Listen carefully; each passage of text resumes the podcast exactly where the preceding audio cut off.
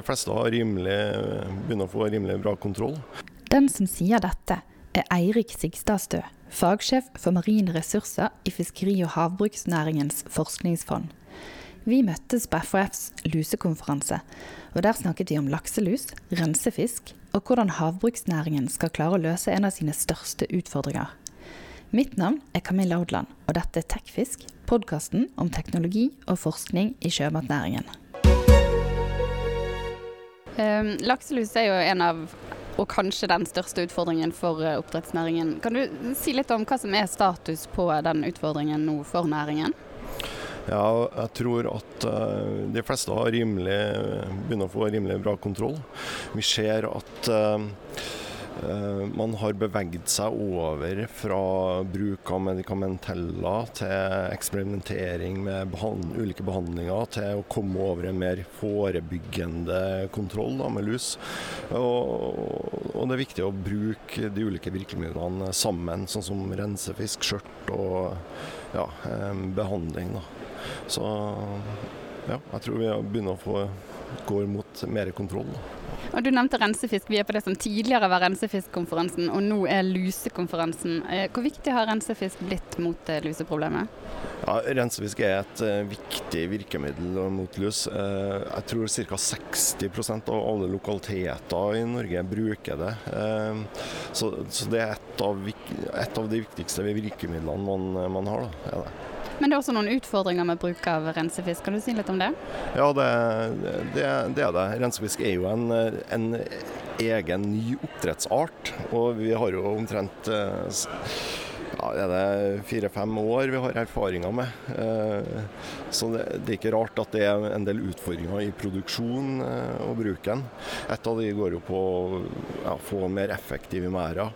Et andre er bedre overlevelse, helse og velferd til rensefisken. Eh, og Næringen til sammen bruker ca. 5 milliarder i året på å løse nettopp lakselusutfordringen, men man er liksom ikke i mål. Hva tenker du om det? Eh, jeg tror De siste årene så har vi sett et veldig sånn eh, høy innovasjon og utvikling av nye metoder. Og, og det utvikling, forskning, innovasjon på området her, det, det har kosta mye. rett og slett. Eh, forhåpentligvis så er vi kanskje på toppen, og vil, kostnadene vil gå nedover. Ja, og Hva tenker du skal til, altså hva skal til for at vi kommer dit at vi er på et akseptabelt nivå, og at det ikke er lusen som regulerer hele næringen? Eh, jeg tror ved å ta i bruk eh, de eh, gode virkemidlene man har, med forebygging, med mm, bedre motstandsdyktig fisk, ja, så vil man ja, opprettholde de lave lusenivåene. Og dere i FF er jo med å prioritere hva som skal gå til forskning på lakselus og rensefisk. Hva blir viktig å prioritere fremover? Ja, det, jeg vil si at det er jo næringa gjennom eh, faggruppene våre, styret, som gjør prioriteringene.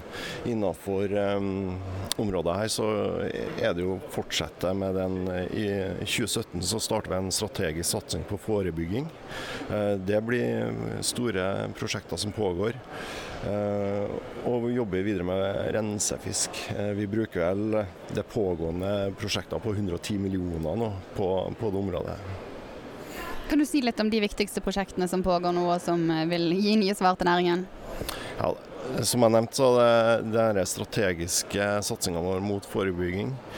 Eh, på rensefisk spesielt så har vi, tror vi at um, eh, ja, utvikle riktig fôr, ernæring, eh, har vi et stort prosjekt som pågår. Eh, vi har et som ser på velferdsindikatorer. Eh, hvordan kan vi si at en rognkjeks har det bra?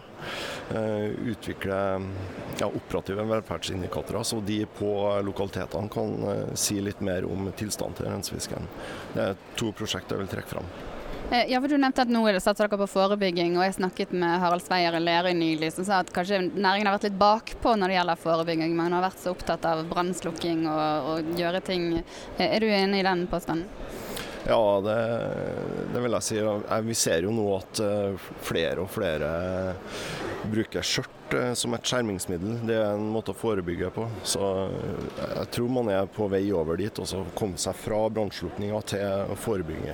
Ja. Og Hva tenker du om at denne lakselusutfordringen at det i stor grad er med å regulere hele næringen, og om den får vokse eller ikke? Ja, det er, det er et spørsmål som eh, Sjømat Norge bør eh, svare på. Vi i FF, eh, rollen vår er å frembringe kunnskap så man kan ta de riktige beslutningene. Og kunnskap det er det dere deler her på denne konferansen. og Det er over 400 påmeldte, og den går over tre dager. Hva tenker du det sier om interessen for temaet? Ja, det, det sier seg vel egentlig sjøl. Og Vil dette være et like stort tema i årene fremover òg, tror du? Jeg tror, jeg tror, ikke man blir kvitt lakselusa, det tror jeg ikke. Men man må lære seg å holde det på et ja, fortsatt lavt nivå, tror jeg. Så det, kunnskap om det her vil være viktig å dele også. Og det å holde den på et fortsatt lavt nivå fremover, tror du det er noe næringen kommer til å klare? Ja, vi ser, vi ser, jo i dag at mange klarer Hvis du, Tallene finner jo på Barentswatch hvor det hele tida er oppdatert hvor mange som er Og det, hvis vi tar en titt på det, så er det positivt. Det går rett vei? Jeg tror det. OK. Takk skal du ha. Takk skal du ha. Du har nå hørt på Tekfisk, podkasten om teknologi og forskning i sjømatnæringen.